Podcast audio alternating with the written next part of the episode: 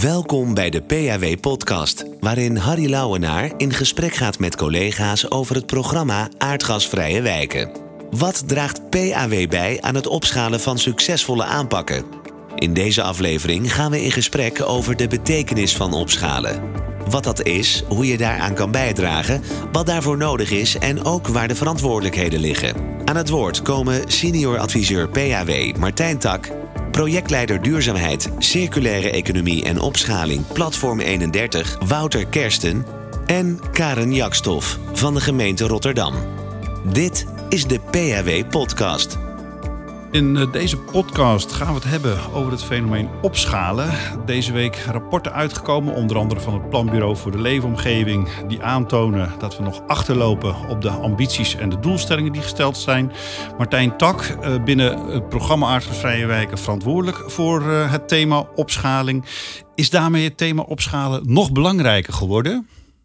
Nou, nog belangrijker, Harry. Ik, ik denk niet dat dat kan, eigenlijk. Het was al super belangrijk. De noodzaak is hiermee nog duidelijker geworden, maar we moeten gewoon heel hard aan de gang. Voordat we daar uh, verder over praten, Martijn, wat is precies jouw rol binnen het PAW?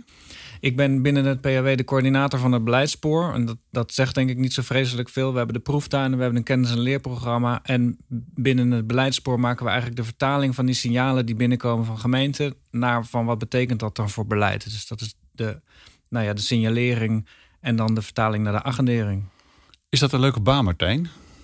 Het is, een, het is een superleuke baan. Het is ook een super moeilijke baan. Maar dat geldt voor, voor iedereen die volgens mij bezig is in de transitie. Het is echt super moeilijk en daardoor ook super leuk. Die complexiteit die, eh, die past bij je. Ja. Links van mij aan tafel zit uh, Wouter Kersten. Nou, die kunnen we echt wel uh, typeren als een grote deskundige op het gebied van opschaling. Fijn ook, Wouter, dat jij er bent. Um, hoe zou jij nu, jij je bent als wetenschapper al een hele lange tijd bezig met het fenomeen opschalen. En als je dan op een verjaardagsfeestje met iemand daarover in gesprek komt, hoe leg je dan in een paar zinnen uit waar je nou precies mee bezighoudt? Um, nou, in eerste instantie sowieso profileer ik me dan niet als wetenschapper. dat werkt niet zo goed op verjaardagsfeestjes. Um, ik denk uh, dat, dat het belangrijkste uh, uh, punt is uh, van opschaling uh, in, in deze context is dat je een maatschappelijk effect wil bereiken. Dus je wil de schaal van het effect zo groot mogelijk maken. En dat is nog wel een verschil van pak een beet een bedrijf. Uh, dat, dat wil opschalen. die wil gewoon meer producten verkopen. Meer, meer, meer inkomsten, meer medewerkers, grotere organisatie. Dus daar gaat het ook vooral om het middel. En uh, in dit geval is het, is, is volgens mij geen enkele uh, doelstelling om het programma uh, groter te maken, maar het effect dat het programma heeft. En dat is, daar hou ik me mee bezig. Hoe kan je dingen zo organiseren dat je het effect maximaliseert, het resultaat? Optimaliseren van het effect? Ja, er valt van alles op aan te werken, maar ja. Oké, ik, ik, ik, hoor toch een beetje de wetenschapper in je, in, in je Wouter. Maar, Martijn, eventjes, eh, even feitelijk. De, de, de doelen van het programma Aardgasvrije Wijken. wanneer is het, het programma Aardgasvrije Wijken uh, succesvol? Nou, de doelstelling van het programma is leren op welke wijze de, eh, de wijkgerichte aanpak kan worden ingericht en opgeschaald. Dat is ook, ook nog zeg maar wel een mooie Haagse doelstelling. Maar wat betekent dat nou? En we zijn eigenlijk ook gedurende het proces aan het leren van wat dat nou precies is. We zijn begonnen met proeftuinen. En we beginnen nu steeds beter te zien wat die proeftuinen dan hebben, wat dat dan een effect is. En uiteindelijk moeten wij dus leren wat er nodig is om die opschaling te bereiken. Maar dat is aan het begin van het proces eigenlijk nog niet helemaal helder. Dus gedurende het proces wordt die doelstelling ook duidelijker. Oké, dat is een, een, een, een, doelstelling die zichzelf in de tijd uh, uh, doorontwikkelt en scherper wordt. Jij bent vanaf begin af aan uh, al bezig met het fenomeen opschalen. wat heb jij nu in, in deze periode al zelf geleerd over, over opschalen?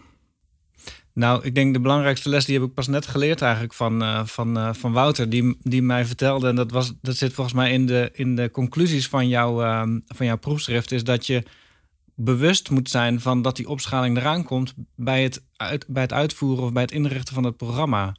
En dat hebben wij niet op alle momenten gedaan. Ik denk dat het voor mensen die er ook nog niet mee begonnen zijn, zeg maar, dus dat dat heel lastig is om je dat te realiseren ik denk ook, maar dat is misschien een vraag van Wouter vervolgens zometeen, is dat je dat gedurende dat proces, dat bewustzijn van die opschalingsvragen ook gewoon wel in het programma steeds beter in kan bouwen.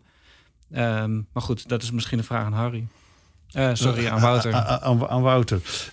Het viele leven, Wouter. Je hebt, je hebt zelfs een proefschrift geschreven over opschalen volgens mij de titel Wat zou Leonardo hiervan zeggen of hiervan kunnen betekenen? Uh, beantwoord die vraag eens eventjes, Wout. Wat, wat, zou Leonardo kunnen betekenen voor het programma Aardgasvrije Wijk als het gaat over de opschalingsvraag? Ja, um, eerst even open deur dat dit gaat om um, Leonardo uh, da Vinci uiteraard, niet, uh, niet andere Leonardo's. En in, in heel kort systematische variatie. Hij is heel goed gebleken, dat blijkt uit van alles, blijkt uit schetsen, blijkt uit röntgenfoto's, uh, om binnen, uh, zeg maar, als hij bezig ging met een schilderij of iets anders, om allerlei kleine variaties te proberen. En dan degene die hem het beste uh, beviel, die heeft hij uitgewerkt. Um, dat principe, maar toen was hij al dus begonnen aan zijn project. Dat principe nog ietsje naar voren halen, dat is de kern van mijn proefschrift. Dus voordat je aan, de, aan de klus begint, Um, in, ja, ik ga nu even terminologie gebruiken, maar uh, doelbewust uh, contexten variëren. Dat is letterlijk de, de, de, de methode die ik heb ontwikkeld. Uh, doelbewuste contextvariatie. Allemaal in het Engels, maar goed. Um, en door in een vroegtijdig stadium je rekenschap te geven van de diversiteit en de verschillende dynamiek die je bij opschaling kan tegenkomen, maak je aan het begin en door het hele proces heen al andere keuzes die later veel ingrijpender zouden zijn. Dat is de kern.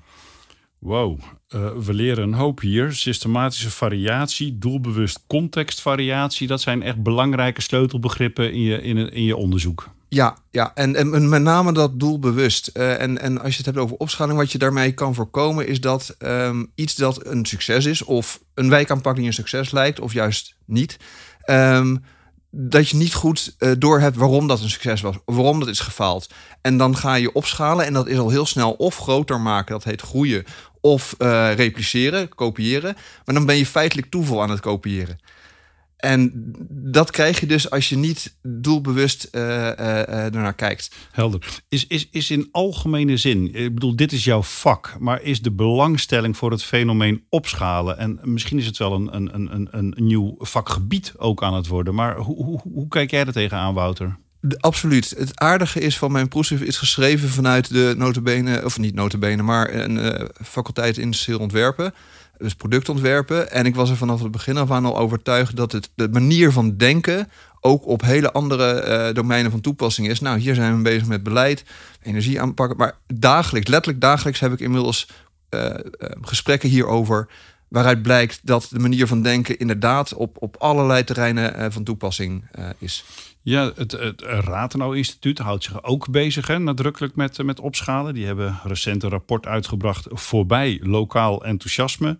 Ik neem aan dat je het kent. Wat kunnen we leren van het rapport? Ja, sterker nog, ik geloof dat het uit eh, begin 2020 is. En in al mijn publicaties en artikelen en rapporten haal ik het ook aan.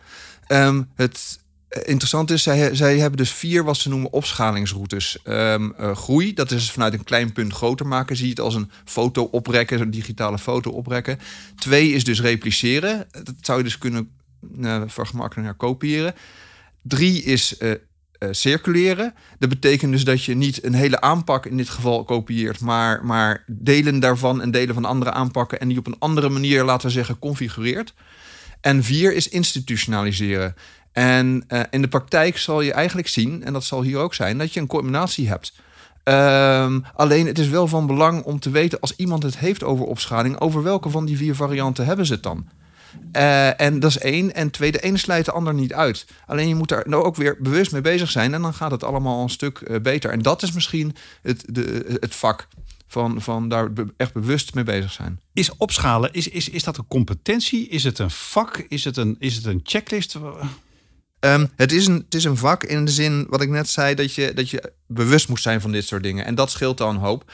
Um, daarnaast heb je natuurlijk iets als een leercurve. Kijk, de leercurve. Uh, de, je leert vooral als je soortgelijke dingen doet en daarin iets, iets beter kan uh, worden. Alleen uh, dat is niet het enige leren dat hier voldoende gaat zijn.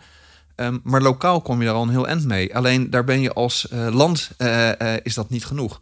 Dus er zijn ook verschillende competenties op de verschillende schaalniveaus waarmee je met dit punt bezig bent. Karen Jakstof, gemeente Rotterdam, daar werkzaam als opgavemanager en teamleider voor de aardgasvrije opgave in, in Rotterdam. Karen, als je deze heren zo hoort praten over opschalen, ja, een beetje Mart Smees-achtige vraag. Wat gaat er dan door je heen? Maar ik ben ook gewoon benieuwd hoe het zit met, met het Rotterdamse opschalingsbewustzijn. Ja, dat zijn heel veel vragen in één, hè, Harry? Ja. Maar, uh, nou ja, waar ik eigenlijk aan moest denken was dat we in Rotterdam, toen we begonnen met, uh, met de energietransitie in de wijken, is dat we vijf hele verschillende wijken hebben uitgekozen om die gebiedsaanpakken te gaan uitproberen. Dus dat denk ik, dat sluit wel aan bij dat het doelbewust context te variëren, waar, uh, waar Wouter het over had. Dus hebben wijken met uh, bijvoorbeeld uh, heel veel corporatiebezit, maar ook wijken bijna zonder corporatiebezit. Wijken met, uh, met concessies en zonder concessies. we hebben wijken waar heel veel bewonersinitiatieven zijn, maar ook wijken eigenlijk zonder bewonersinitiatieven. Dus eigenlijk op verschillende onderdelen variëren ze. En um, daarnaast zijn we in de allereerste gebiedsaanpak gestart in een, in een wijk van, ja, een wijkbuurt van iets van 600 uh, uh, woningen. Dat is nog steeds vrij groot hoor. Maar dat is eigenlijk een relatief kleine omgeving waar we, waar we voor het eerst de aanpak hebben uitgeprobeerd, de stappen hebben doorlopen. Um, daar is in september ook uh, de schop in de grond gegaan. Dus ook, nou, we lopen ook als eerste, wijk, als eerste wijk zijn we gestart met de uitvoering. En nu zitten we eigenlijk in de fase dat we naar veel grotere gebieden toe gaan. Uh, bijvoorbeeld nou, Pendrecht Zuid. Hè, zei, Heindijk heeft 600 woningen. Volgens mij Pendrecht Zuid heeft er uh, uh, 2.500 of zo. Het is echt een flinke slag groter. En dan kom je meteen, loop je tegen vragen aan van, goh, hoe zijn nou de dingen die, die, we, die ons goed zijn bevallen in Heindijk? Bijvoorbeeld uh, de persoonlijke contacten met, met bewoners. Hoe kun je die nou volhouden, vasthouden in een groter gebied? Dus hoe kun je die eigenlijk opschalen op een efficiënte manier? Want ja, uh, in Heindijk zijn we bijvoorbeeld alle deuren langs gegaan, echt letterlijk overal aangebeld. Ja, en natuurlijk in een groter gebied zoals, uh, zoals Pendrecht Zuid. Is dat arbeidsintensief? Dat, ja. Dat ga je niet meteen uh, doen. Dus daar hebben we ook, nou, proberen we in de, in de aanpak te variëren om, uh, om uit te testen nou, hoe we dat dan wel kunnen doen. Dus ik denk, nou, dat, dat zijn wel dingen waar ik aan moest denken toen ik jullie uh, hoorde praten. Ja, zou je echt kunnen spreken over een Rotterdamse opschalingsaanpak, een Rotterdamse opschalingsstrategie? Uh, nou, we hebben eigenlijk zelf noemen we het vooral een leeraanpak. Dus we hebben rond uh, verschillende thema's proberen we lessen op te halen. En op basis van die lessen willen we inderdaad proberen te komen tot die ene aanpak waarmee we de hele stad aardgasvrij kunnen maken.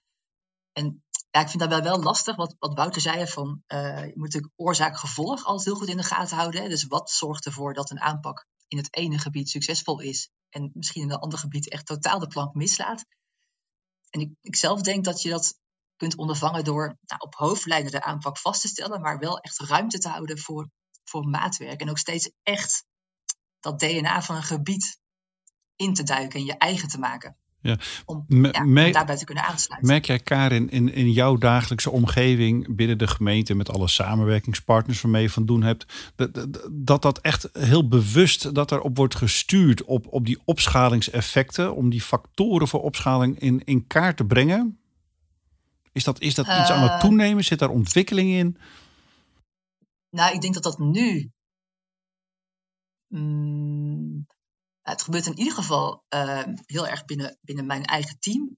En je merkt dat uh, op bepaalde onderdelen, uh, bijvoorbeeld ruimtelijke inpassing, daar zie je ook echt bij andere afdelingen, zie je ehm, nou ja, ook echt het besef toenemen dat, dat we hier ook breder iets, iets mee moeten. Want dat is natuurlijk, ik hoorde Martijn afgelopen maandag in een andere context ook over het programma Aardgasvrije Wijken vertellen.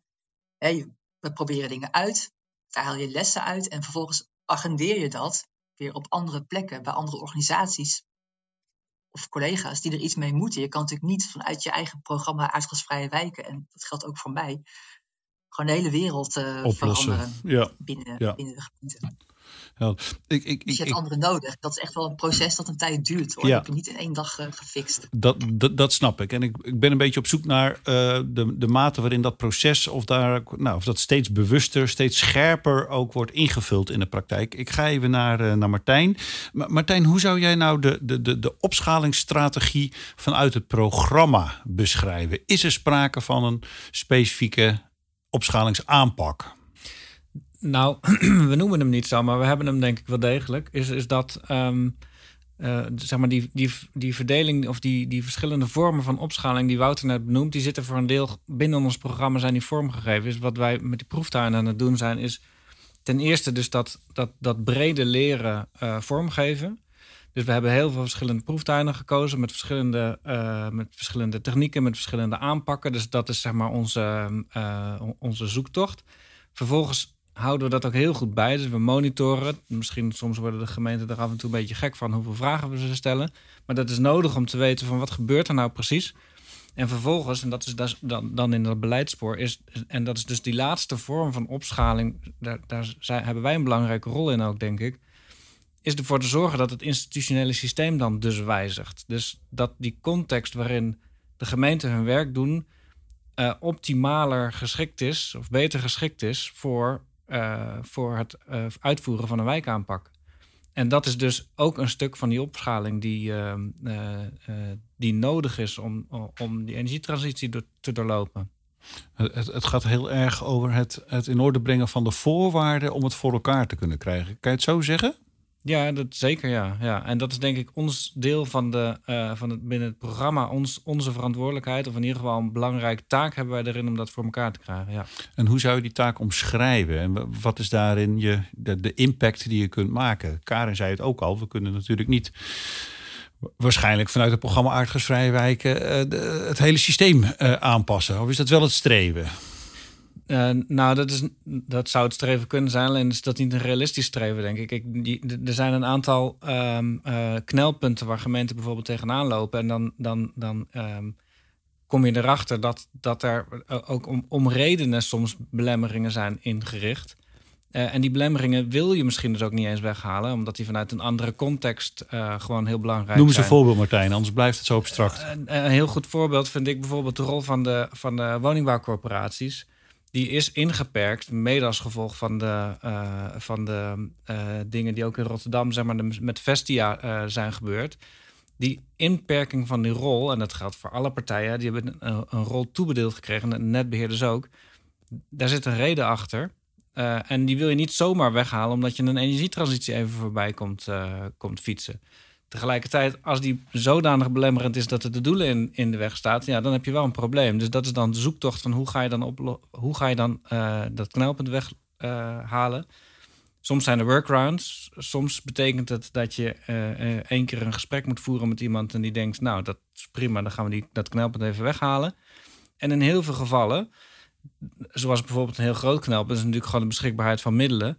Dan vraagt het om echt stappen, dan vraagt het om politieke agendering, dan vraagt het om het, het steeds eh, eh, groter maken van de druk om ervoor te zorgen dat die middelen beschikbaar komen. Ja, dat, dat, dat snap ik. Het, het, het aantal knelpunten, dat, daar zit een eh, grote eh, bandbreedte in van de maat van oplosbaarheid. Is, is dit een heel helder en, en transparant proces? Hoe is dat ingericht binnen PHW? Wat zijn nou de top 10 van knelpunten? En is dat ook ergens zichtbaar wat PHW daar dan wel en ook niet aan kan bijdragen om die op te lossen? Nou, een top 10. We hebben een top 4 eh, eh, sturen wij. eh, of hebben we de afgelopen keer was het een top 4. Hebben we aan de Tweede Kamer gestuurd. Dus dat is zeg maar heel duidelijk volgens mij. Dat gaat in twee gevallen gewoon echt om geld. Geld voor zeg maar de business case en geld voor de gemeente. Dat geldt ook nog voor de bevoegdheden. Maar op het moment dat je die hebt geregeld, ja, dan kom je bij de volgende fase en dan kom je de volgende knelpunt weer tegen. Gedurende de tijd zal dus die top 4 zou kunnen wijzigen. eh, maar zolang die top 4 nog niet opgelost is, blijft die voorlopig nog even staan. Tweede van gaat over financiering en die andere twee? Eén gaat over de bevoegdheden voor gemeenten. Dus de mogelijkheid om, eh, om bijvoorbeeld om, om eh, uiteindelijk de aardgasaansluitingen te verwijderen. Dat mag nu nog niet. Ehm, en de, de, de, de vierde is, is eigenlijk dat de gemeenten heel erg behoefte hebben aan een, aan een centrale boodschap. Dus dat die we vasthouden, dat we zeggen van aardgasvrij, dat gaan we doen. En dat verander je ook de rol van de gemeente in die wijk. Want nu moeten zij nog in heel veel gevallen vertellen, aardgasvrij gaan we doen. Die breng je daarmee meer in positie, uh, rugdekking. Ja, denk ik wel, ja. ja. Wouter, even naar jou. Uh, dit is zeg maar de, de, de opschalingsaanpak vanuit, uh, vanuit PAW. Daar ben je ook bij, uh, bij betrokken. Geef daar eens een professioneel oordeel over. Is PAW nu goed bezig als het gaat over het thema opschaling? mag ik een heel klein zijstapje voor we vergeten, want het is wel relevant om te melden. We zijn nu bezig met een uh, we zijn bezig met een uh, paper, en dat is een het ouderwets woord, maar het wordt wat uh, spannender hopelijk. waarin we de verschillende manieren hoe je tegen opschaling aan kan kijken, zowel algemeen, maar ook toegepast op het PHW, ehm, ja, gaan, gaan, gaan publiceren. Um, in samen, samenspraak tussen, tussen het programma en Platform 31, waar ik werk. Um, en dat willen we proberen dat dat voor het eind van dit jaar uh, er komt. En anders is het vlak daarna. En dan gaan we ook doorbouwen. En dat, de werktitel daarvan, daarom noem ik het, is de talen van opschalen. En niet gezegd dat dat de definitieve titel wordt, maar dat, komt, dat geeft dus al een beetje aan dat er verschillende manieren zijn, verschillende denkmodellen, verschillende formuleringen, her en der ook jargon. En als je ook daar alweer net wat meer inzicht en overzicht van hebt, dan, dan, dan dat schiet al op. Um, Oké, okay. dus ik wou dat graag aankondigen dat dat, dat nee, maar dat, dat is ook fijn, want de begrippen en abstracties die vliegen hier in deze podcast om je oren. Dan is het geruststellend dat er een document aankomt waar we alles nog een keer in terug kunnen lezen. Uh, nog eventjes en dan ga ik nog even naar Rotterdam, want ja. Uh, maar eventjes over uh, de, de, de, wijze waarop PW op dit moment opschaling uh, vorm geeft. Um, Oké, ik ga. Um, ik, laten we zeggen, um, ben wat minder negatief dan, dan je af en toe leest in de media en in rapporten. Want wat we ons moeten realiseren, we zitten echt nog in het verschrikkelijk vlakke deel van de leercurve. en nou, ik mag dat zeggen, want ik heb daar geen bevoegdheden in. Maar bij wijze van spreken van Atlas wat je de komende, de, nou, pak een beetje tot 2024 uh, uh, leert. Daar gaat het om en daar moet je goed op richten. En nou, ik zeg het nu cruur dan, dan, dan, dan uh, geld. Maar iedere 100 huizen extra die echt daadwerkelijk van het aardgas af is in die periode is bijvangst, is meegenomen. Nou, dat is natuurlijk niet hoe er tegenaan wordt gekeken.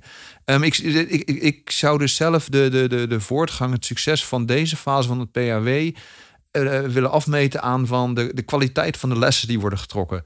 Uh, de opmerkingen, de reflectie die wordt gemaakt van oké, we weten dit, dit, dit werkt, dit niet. Maar wordt er ook um, doorgevraagd waarom? Uh, we krijgen met z'n allen gevoel, inzicht in wat de redenen zijn dat dingen werken of niet. Dat is één. En twee, hoe verhoudt die kleine schaal zich tot een grotere schaal? En uh, dan komen we op het punt wat Martijn noemde, wat ik feitelijk dat institutionaliseren, of Raad nou ook dat institutionaliseren noemt. Soms Kijk, incrementeel gaan we het niet redden. Dus er moeten sprongen worden gemaakt. Maar voor die sprongen heb je juist wijziging in het systeem nodig. Nou, dat is allemaal, uh, kan nog allemaal veel wetenschappelijker en uh, ondergrondelijker worden uitgelegd. Maar iedereen snapt wel dat dat klopt. Als er ergens een wet of een regel nu uh, in de weg ligt. en er zijn goede argumenten om dat te wijzigen ja, dan moet dat eerst gebeuren. Maar op het moment dat het gebeurt, dan kan je plotseling sprongen maken. Dus er wordt nu heel erg um, in extrapolatie gedacht qua, qua huizen van het aardgas af en hoe dat dus uh, uh, slecht schaalt op dit moment. Maar ja, dat is een hele een te simpele manier om er naar te kijken. Dus ik kan er geen letterlijk oordeel over vellen, maar als ik een oordeel moet vellen, zou ik veel meer op dat soort dingen letten. En die benadrukken dan, dan, dan uh, gaan turven hoeveel huizen er van het aardgas af zijn. We staan aan het begin van die leercurve, zei je die, die is nog redelijk vlak. Uh, Karin, jij wilde vanuit uh, uh, jouw ervaring even iets inbrengen? Ja, en het sluit heel goed aan op wat, wat Wouter zegt. Want ik zat ook te denken, hè, van we zijn nu aan het uitproberen, pionieren. We willen opschalen, alleen we doen dat natuurlijk in een context die nog helemaal niet goed aansluit op wat we eigenlijk willen bereiken. Dus het is ook heel lastig om, om je precies voor te kunnen stellen wat, wat er echt nodig is. Ik kan op basis van de ervaringen nu kan ik een beeld schetsen van het team wat nodig is om een wijk van het aardgas af te halen. de, inzet op communicatie, ehm, het, het, ontwerp, noem maar op. Alleen als er straks wetgeving is en we hebben voldoende geld, want het is nu af en toe echt sprokkelen, dan kan je die grote stappen gaan maken. En ehm, ja, dus die duidelijkheid die Martijn ook noemde, daar is zoveel behoefte aan. Hè? Een duidelijke koers, ook echt tijd nemen voor dat leren. Want ook dat, uh, dat herken ik heel erg. Hè, van nou, af en toe de berichten over het, uh, het, het, lage aantal woningen wat nog maar aardgasvrij is gemaakt. Ik denk, ja, hoe, het is ook een proces dat gewoon een aantal jaren kost. Dus de verwachting dat je binnen één à twee jaar meteen duizenden wonen, woningen van het aardgas hebt afgehaald, die, die klopt ook bij voorbaat niet. Is dat, is dat in Rotterdam, is dat een issue, Karin, dat jij je moet, moet verantwoorden in, in kwantiteiten? En is er dan voldoende ontvankelijkheid voor het argument dat, dat, we veel, dat je veel meer stuurt op de kwaliteit van de lessen, zoals Wouter het uitdrukt? Ja, uh, ja bij ons is beide. Dus we hebben en een college doelstelling. Uh, en we doen die leeraanpak. En gelukkig, ons bestuur benadrukt wel steeds dat belang van het leren. Maar ik merk nu ook, ik moet vandaag ook nog een overzichtje aanleveren van de aantallen die we hebben gerealiseerd. Dus het is, het is gewoon een spanning. Ja. Ja. ja, en, en gelukkig hebben we het aantal hebben we, uh, relatief bescheiden gekozen. Dus uh, we hebben 10.000 woningen aardgasvrij of daarop voorbereid. En met dat daarop voorbereid denk ik dat we het wel, uh, wel redden.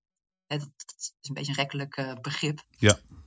Goed, die spanning wordt af en toe wel gevoeld. Hè? Vooral door de mensen in de wijken. Die denken van ja, ik moet toch die wijk van het aardgas afhalen. Ja, ik moet ook leren. Ja. Dus, uh...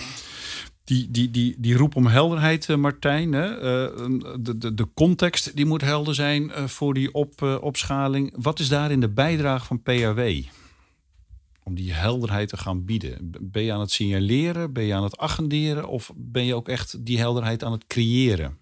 Nou, voor een deel is dat gewoon het, het, het agenderen. Maar dat is altijd zo'n. Dat is natuurlijk nog zeg maar, best wel een vaag begrip. En, en wat, wat, wat, betekent dat nou?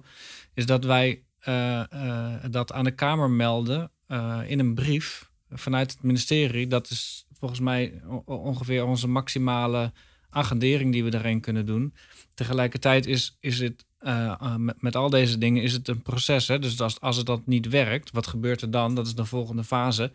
Wij spreken natuurlijk heel vaak met de proeftuinen. Daar zitten ook allemaal bestuurders die ook allemaal weer dingen kunnen agenderen. Dus uiteindelijk is het een, nou ja, een spelletje is misschien niet het juiste woord, maar het, het, is eigenlijk niet uh, uh, tekstboek, zeg maar, wat je aan het doen bent als je beleid aan het maken bent.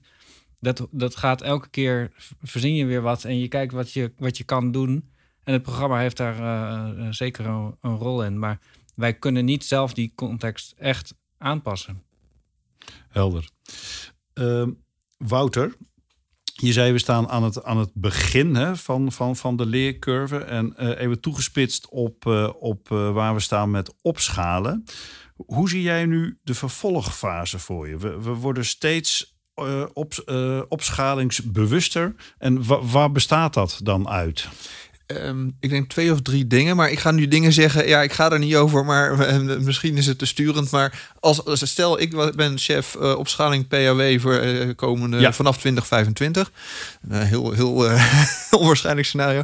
Um, een aantal dingen. Eén is um, de volgende rondes. En of je het nou proeftuinen noemt of, of wat dan ook, maakt me niet zoveel uit. Maar een aantal van de dingen die goed zijn gegaan, verifiëren. Uh, um, probeer die aanpak dan ook maar in een aantal andere wijken uh, uh, toe te passen. Maar ook met lichte variaties. Want dan kom je erachter van ligt het nou aan de wijk of ligt het nou aan de aanpak. Zo, is, zo zou Leonardo het ook aanpakken. Um, ja, ik weet niet of Leonardo was heel erg imaginative, maar of hij de energietransitie had kunnen voorspellen. Nou goed, ja, globaal wel. Uh, twee is, en dat daar hebben we nog weinig over gehad. Het zit een beetje bij het institutionaliseren. Dat er goed in kaart wordt gebracht. Wat zijn nou de punten in het systeem die die, die, sprongen mogelijk maken of juist tegenhouden? En daar bewust iets uh, mee doen. Die, die top 4 die Martijn noemt. Je zou eigenlijk per jaar moeten kijken van oké, um, zijn die punten dan opgelost? Of zijn we, hoe zijn we daarmee bezig? Dus dat is twee. En drie is, um, ja, er is een, term, en ik noem dat right scaling. En je leest er tegenwoordig best wel veel over, want het is in Nederland ontzettend relevant. Um, een constatering is van de regio wordt steeds belangrijker. En in bijvoorbeeld uh, in corona is gebleken van de veiligheidsregio's, die konden heel slagvaardig dingen doen. En die konden ook gedifferentieerd dingen doen. Alleen het probleem ervan is de, de democratische legitimering. Nou, dat geldt ook voor energie. Je hebt de, de, de, de, de regionale energiestrategieën. ja, hoe lopen die regiogrenzen? Nou, het kan best zijn, en het gaat dus het PRW te boven, hè, dat je daar wat moet doen als Nederland. Van, van hoe kan je nou slagvaardigheid en legitimiteit gaan combineren. En daarmee ook weer misschien wel een, een, een sprong, een, eigenlijk een trampoline uh, creëren voor, voor uh, volgende stappen. Right scaling, wat doe je op welk, uh, op welk schaalniveau? Juist, wat, wat, is, ja, wat is het juiste schaalniveau om, om, om actieve regie op iets te pakken, dingen te organiseren, maar wel in relatie tot de andere schaalniveaus? Um, en uh, ja, dat is, dat is, dat is de, de, de, vertaling daarvan. Zijn jullie in Rotterdam ook aan het right scalen, Karen? Dat je echt kijkt, wat kan je nu op welk niveau wel en niet aanpakken en hoe kan je het een naar het andere overhevelen? Um, nou, we denken wel na over wat moet je bijvoorbeeld stedelijk regelen en, en vastleggen. Uh, waarvoor hebben we bijvoorbeeld de Rijksoverheid nodig?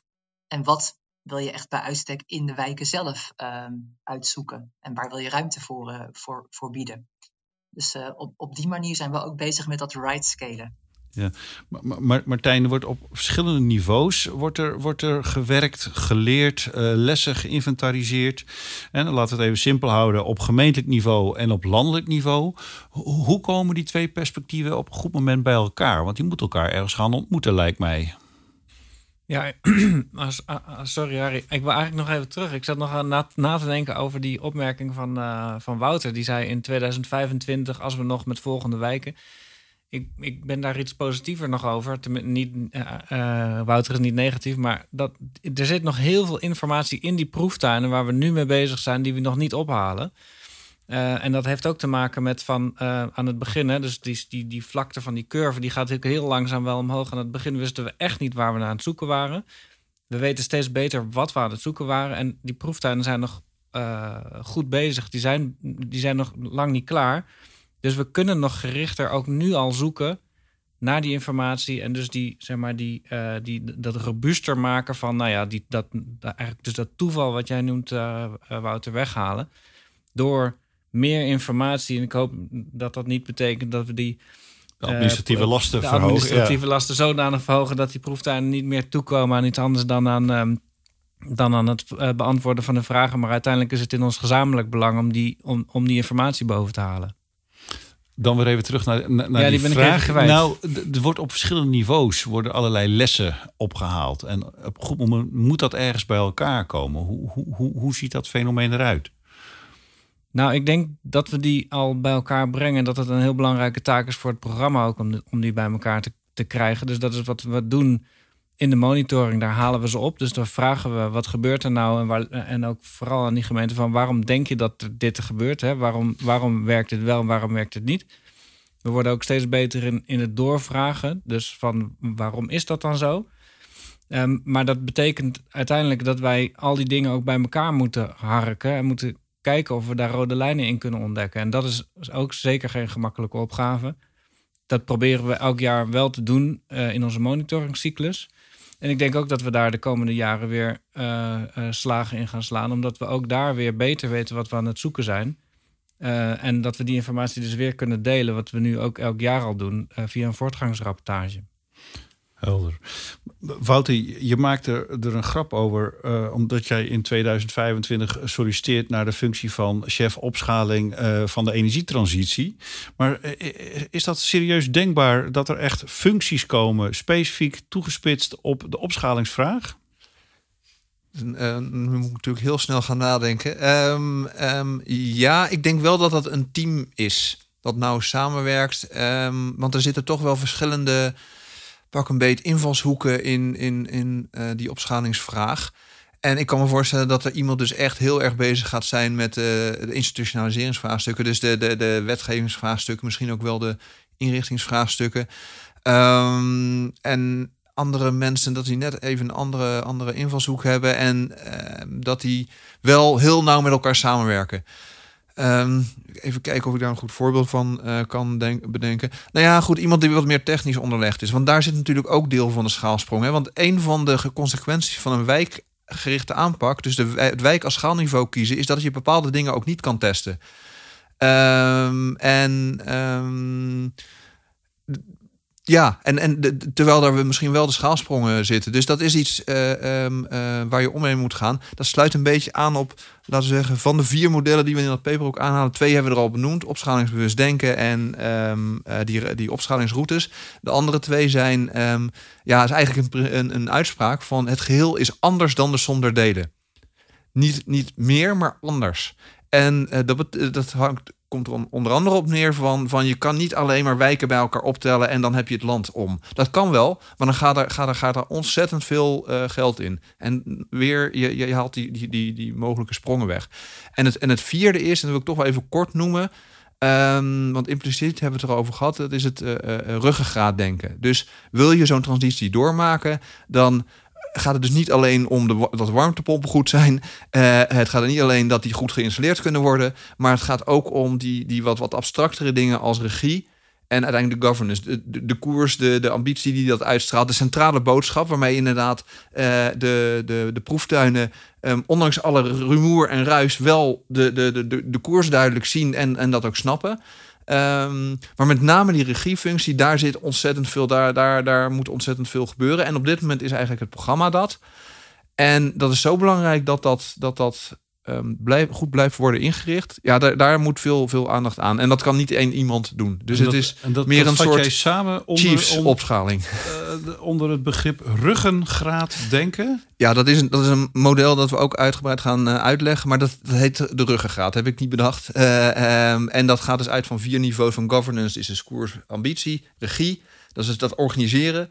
Um, uh, arrangementen heet dat. Dat zijn eigenlijk de, de, de pakketten en verzameling van transacties. En een, een warmtepomp, um, zeg maar, uitkiezen, dat is een transactie. Maar daarmee ben je er niet, nou, et cetera.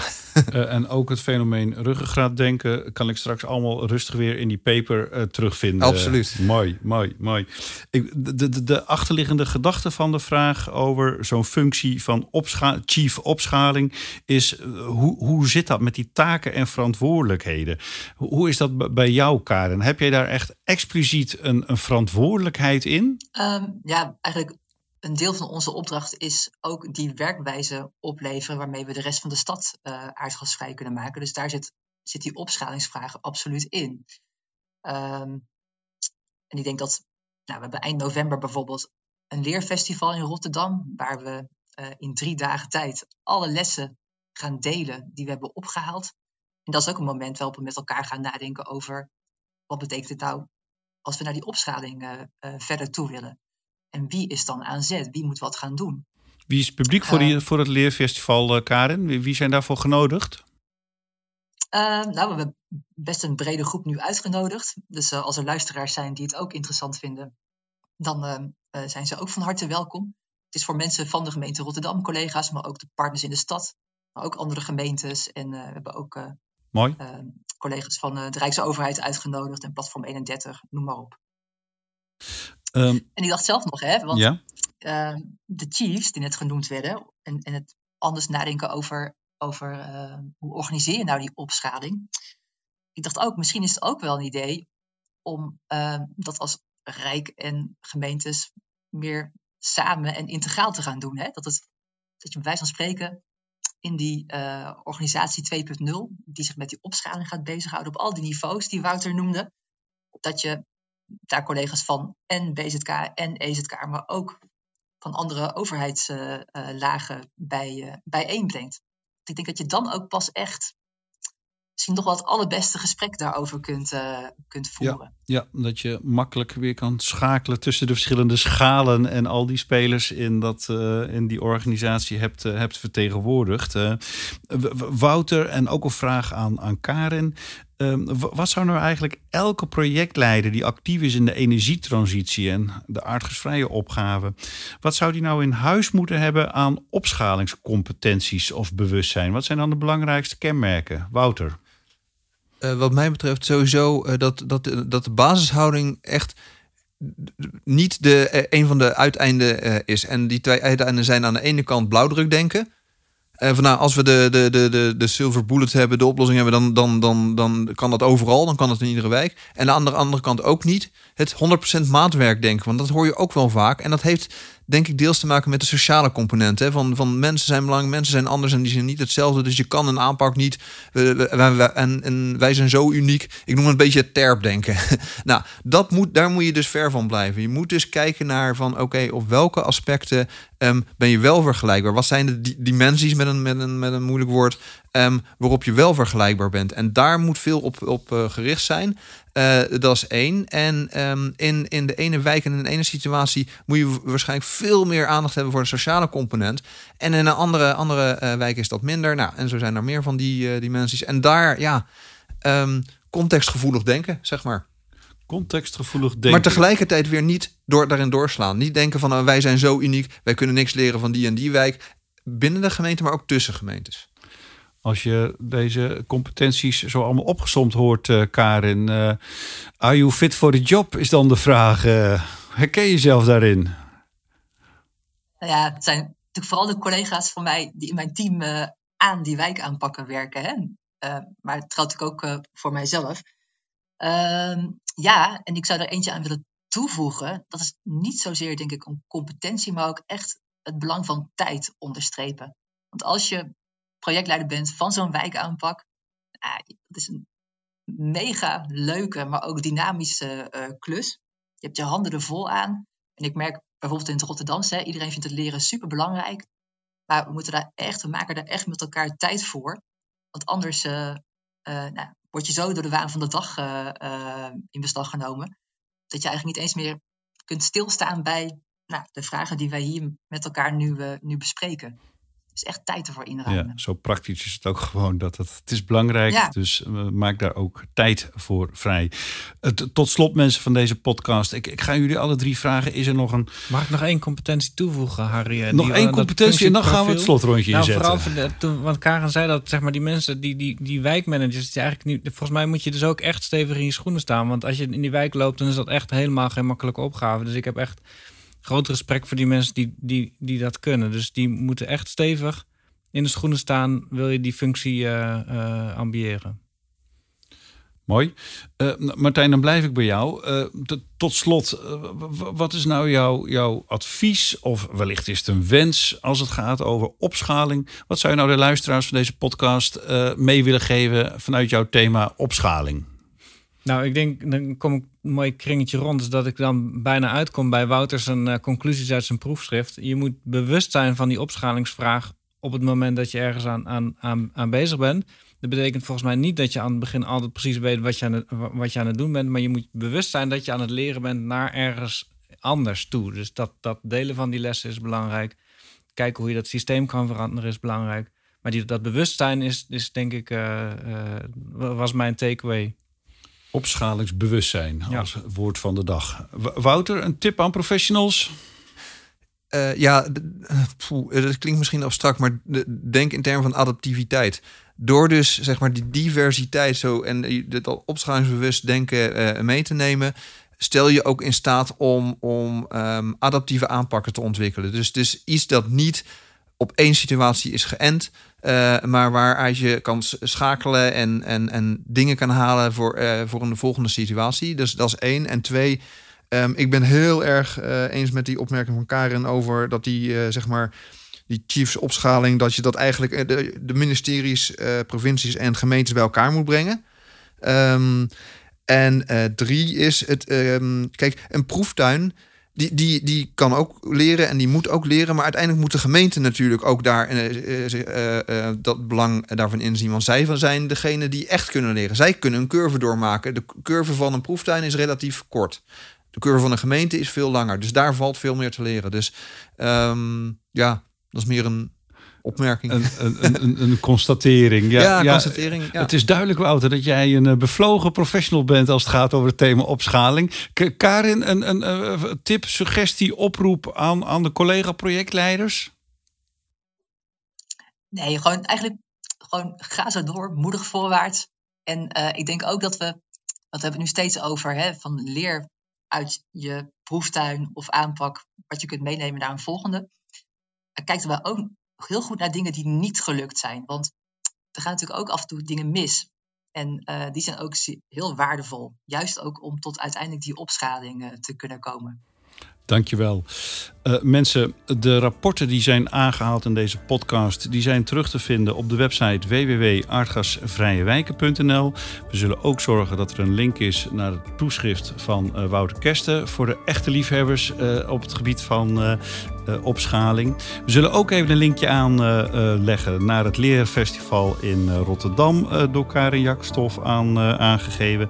Ik dank Martijn Tak, ik dank Wouter Kersten en ik denk Karin Jakstof voor jullie bijdrage en graag tot een volgende podcast.